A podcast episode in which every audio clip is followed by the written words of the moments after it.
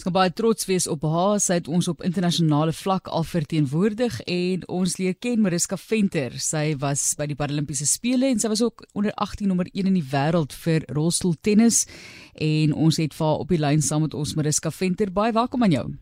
Baie dankie, is lekker om hier te wees. Ek sit en kyk na die mooi foto's wat ook van jou beskikbaar is. Mense kan gerus meer van jou gaan leer op jou webblad ook natuurlik, mariskaventer.com. Daar kan hulle 'n bietjie gaan loer. Maar Mariska, om te praat van van tennis, het jy tennis gespeel nog jou hele lewe op of stadium het dit vir jou begin? Ek wens ek het my hele lewe lank gespeel. Ongelukkig het ek eers op 14 uitgevind dat daar iets is soos rolstoeltennis. Um ons is maar in die rehabilitasiesentrums maar net geleer aan rolstoel basketbal en as 'n 8-jarige dogtertjie in 'n rolstoel was dit vir my 'n bietjie rof geweest. Um so dit het nooit sport reg um verder voltooi nie en toe ek 14 was, toe ontdek ek rolstoeltennis. En ja, van my eerste dag op die tennisbaan het ek nooit opgehou nie. Jy praat van 8 jarige ouderdom, kan jy vir ons vertel wat gebeur het? Ja, ek was 8 jaar oud toe was ek en my gesin in 'n karongeluk betrokke. 'n kop aan kop botsing op pad terug van ons Kaapse vakansie af. En ehm um, dit is toe waar ek my rug gebreek het en toe is ek verlam van die heup af onder toe. En dinge wat baie baie vinnig vir jou verander het natuurlik op daai stadium in jou lewe.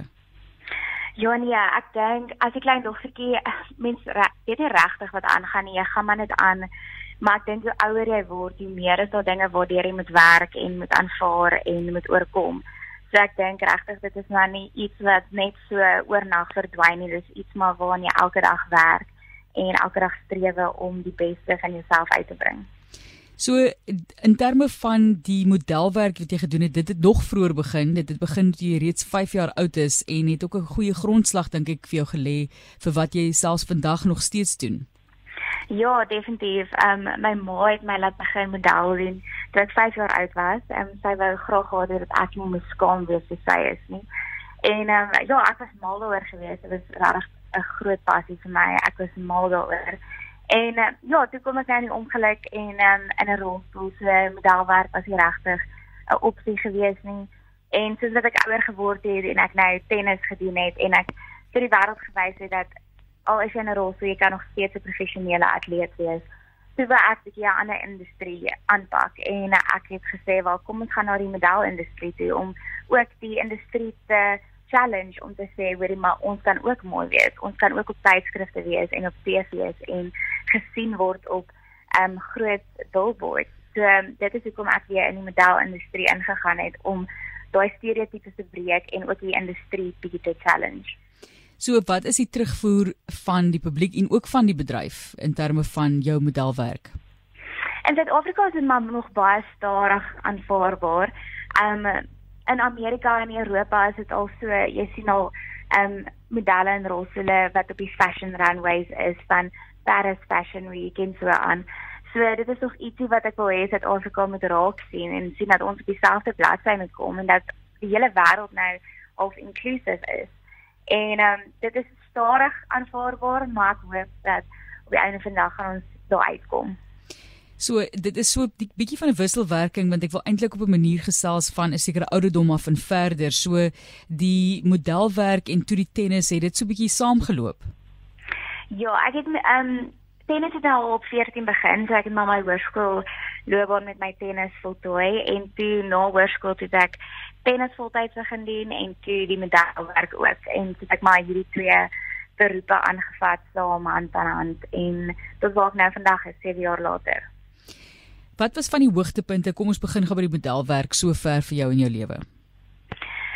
Ek sou sê net om soos uit te kan gaan en foto's te kan neem en goed te voel oor myself en daai foto's te kan deel met publiek en die mense wat na my kyk en vir klein dogtertjies in rolstoele om te sien maar hulle kan ook wees wat ook hulle wil wees en hulle kan ook mooi wees en dat hulle nie in 'n huis toegesluit word weg van die mensdom af nie. So dit is al my grootste punt wees van my modelwerk. Ek het ook werk gedoen vir Vodacom en um, vir advertensies. So ek sou sê dit was my grootste werk sover wat ek gedoen het vir model. Nou praat ons volgende oor die groot groot loopbaan as tennisspeler. So jy het dit nou later aan in jou lewe agter ek dink jy het gesê 14 jaar oud, né? Jy begin tennis speel en dit gevind so wie het jou blootgestel daaraan? Ja, ek het op 14 begin en my familie het toevallig rosse tennis raak gesien in Nelspruit. En uh, ek kom van Ermelo af, so dit ons deur gaan Nelspruit toe. Ek het met die afrigter ontmoet en ek het begin speel en ja, soos ek sê, van daai dag af het ek nooit opgehou nie. My tennis was half weer vir my um, 'n manier om goed te voel oor myself om te weet dat ek kan enigiets doen en ek kan nog steeds sportief wees want ek kom van 'n sportiewe familie af. Ek was baie sportief voor my ongeluk. So om net op my tennisbaan te kan wees, het ek so vry gevoel en ek het nooit gevoel ek in 'n rolstoel op die tennisbaan nie. Ek het net soos enige ander tennisspeler gevoel. En ek dink dit is waar my groot draaipunt in my lewe gekom het en waar al my groot drome vandaan gekom het was toe ek op die tennisbaan begin speel het belangrike vaardighede wat jy daar moes aanleer, né? So iewes skielik op 14? Ja, ek weet ek dink ek het op 14 het ek vir die eerste keer oor see gegaan alleen. Ehm um, sonder my ma. So ek moes vir die eerste keer leer hoe om selfstandig te wees en vir myself te sorg, ehm um, sonder my ma te help daar. So ek as as 14 was ek vir die eerste keer vir 'n toernooi in Holland gewees. So ek wil sê daai wat ek moes aanleer om selfstandig te wees op my eie te kan toer oor see en verskillende rolstoele te kan hanteer en my tasse en bagasie en ja, ek wil sê dit was die grootste uitdaging in die begin van my loopbaan. En as jy mens nou kyk na die aanpassings fisies ook wat jy moes maak om tennis te kan speel. So jy kom uit 'n sportiewe familie, jy het altyd baie geswem en sport gespeel en so aan. So sport is swaalf deel van jou lewe gewees nog altyd. Maar in terme van tennis, wat was die grootste fisiese uitdagings vir jou met die sport?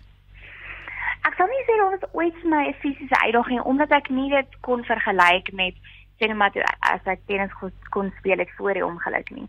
So vir my was dit 'n nuwe ding gewees. Ek het geen vergelyking gehad nie. Ek dink die grootste uitdaging het maar gekom oor die feit dat jy moet hardloop tegnies met jou arms en jy moet slaan met jou arms. So alles op die tennisbaan doen jy met jou arms en dat jou arms nooit 'n rus kan hê nie. So dit is daai beweging op die baan wat eintlik die moeilikste is en wat die moeilikste is om gewoon te raak aan en wat nog steeds tot vandag toe iets is waaraan mense meeste werk want jy die arms wat jy gebruik om jou hand om die bal mee te slaan en gebruik jy ook om rond te beweeg op die baan. So dit sal verseker die grootste uitdaging fisies wees om gewoon te raak aan dit en ook uit te figure hoe dit vir jou die beste gaan werk om die beste tennisspeler uit jou uit te bring. Ons het nou 'n bietjie gesels oor hoe jy op tennis afgekom het, hoekom jy dit begin speel, die uitdagings, so jy sê jy het nie regtig so baie uitdagings gehad nie behalwe vir die arms. Maar Mariska, jou hoogtepunte vir vir tennisspel, wat is van die groot oomblikke vir jou? Definitief van die groot oomblikke um, wat jy ook nou al genoem het, is toe ek nommer 1 in die wêreld onder 18 was. Dit is toe ek werklik begin sê dat ek het 'n talent in die sport en dat ek dit dalk as 'n beroep kan doen en voltyds kan doen. So daai was 'n groot groot oomblik in my lewe. Um ek sou ook sê ek het saam met die Williams sissies Devils gespeel by 'n um, charity event en dit was ook vir my amazing. Ek het saam met Serena gespeel en net die woorde wat sy met my gepraat het en hoe ons lekker saam op die tennisbaan gespeel het, was ook vir my 'n groot hoogtepunt. En uh, dan natuurlik um ek het vir 'n paar opvolgende wedstryde top 15 spelers gewen in die wêreld en dit is my bewys dat ek is wel die standaard van 'n top 15 speler en dit is waartoe ek mik. So daai is 'n hoogtepunt en dan die grootste een van hulle almal is iets waarna ek gewerk het vir 7 jaar lank en finally finally gekry het en dit is om na die Paralimpiese spele te gaan in Tokyo. Fantasties. So net gewinnig oor die Williams sisters. Jy praat van daai motivering wat hulle gespreek het om vir jou te bemoedig. So watter tipe van woorde hoor 'n mens van van hulle? Ja, so ek en sy het gespeel en vir die wat ehm um, Serena Williams ken, sal weet sy is 'n baie sterk vrou en sy speel baie aggressiewe tennis en van harde houe. En uh, sy het vir my so gekyk en vir my gesê, "Maar hoekom slaan jy die bal so hard?" En ek het vogte maar hoekom slaan jy die bal so hard?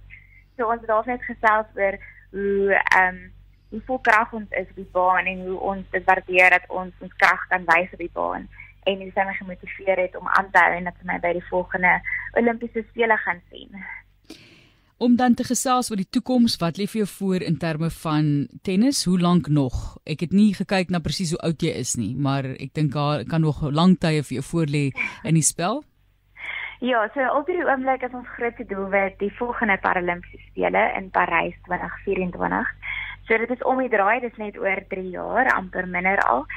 So dit is ons grootste doelwit, dis waarna toe ons werk. So hierdie volgende 3 jaar gaan ek fokus op meer toernooie te speel veral na ons vir 2 jaar in tennis gespeel het basically nie. So dit gaan maar net wees om terug op toer te kom om punte weer op te kry in die ranglys en om ja, hopelik in Parys vir 'n medalje te gaan. En dan vir die modelwerk? Die modelwerk gaan eers aan sy wees. My grootste droom is om deel te neem aan Mevrou Rolstoel Suid-Afrika en Mevrou Wêreld. Ehm um, so dit sal ek doen sodra my tennis bietjie rustiger is en ek swat ook bekom bemarking. So tussen die swat en die tennis is dit maar my hoofprioriteit. En dan sodra daai geters bietjie aan die sy is, sal ek weer begin fokus aan die modelloopbaan. Ja, daar's baie dinge daarso. Jy was op Siebenlaan ook gewees sover ek weet, né? So eintlik ja. aktrise ook albei. Ja, dis waar. Fantasties. Alles wat vir jou voorlê is baie werk. Goed dat jy die studies ook deurdraf om verder natuurlik ook te kan werk met die profiel wat jy geskep het. Perfekte keuse wat jy daar gemaak het, Mariska. En hopelik kan jy bietjie daai grense skuif. Mense praat van mevrou Rolstoel Suid-Afrika, maar hoekom moet dit so wees? Dis mos maar altyd ja. my vraag ook. So wie weet van die toekoms. Maar dan laastens, jy is ook 'n motiveringsspreker. Jy het nou dalk 'n paar woorde van wysheid wat jy ook by ander mense geleer het wat vir jou gemotiveer het oor die jare. En jy word seker ook gekontak deur mense wat sê asseblief my kind was in 'n ongeluk of my kind is in 'n soortgelyke situasie, kan jy nie asseblief vir hulle 'n bietjie moed inpraat nie. Baie van hierdie mense wat letterlik nie die huis wil verlaat nie, wat te skaam is of te bang is of moed opgegee het op die lewe. So gee vir ons 'n bietjie van jou dryfkrag. Waar kom dit vandaan? Ja, ek ek dink ek is al gebore met my dryfkrag. Ehm um, ek het maar 'n positiewe hart en 'n positiewe gemoed altyd, maar ek moet sê mens word mens word nie wakker positief nie. Ek sal sê daar's baie dae wat ek wakker word en ek ek voel dalk 'n bietjie meer negatief en ek voel nie ek wil gelukkig wees of glimlag nie, maar ek maak 'n keuse om positief te wees. En ek dink dit is waar die groot stap inkom. Nie elke dag kan positief of lekker wees nie, maar jy kan 'n keuse maak om meer aan die positiewe kant te wees as die negatiewe kant. En dan sal ek ook sê luister vir jou hart en luister vir jou lyf en as jy 'n dag nodig het vir jouself, vat daai dag, maar onthou om altyd op te staan en aan te jaag vir jou passies. Want as jy elke dag opstaan en jy werk vir jou passies, dan gaan jy meer wil opstaan met 'n glimlag op jou gesig. So ek wil sê gaan vir jou drome, gaan vir jou passies, met nooit moet opgee nie. Want as jy hard werk, maak nie saak wat jou omstandighede is nie. Jy sal daar uitkom en jy sal 'n sukses daarvan maak.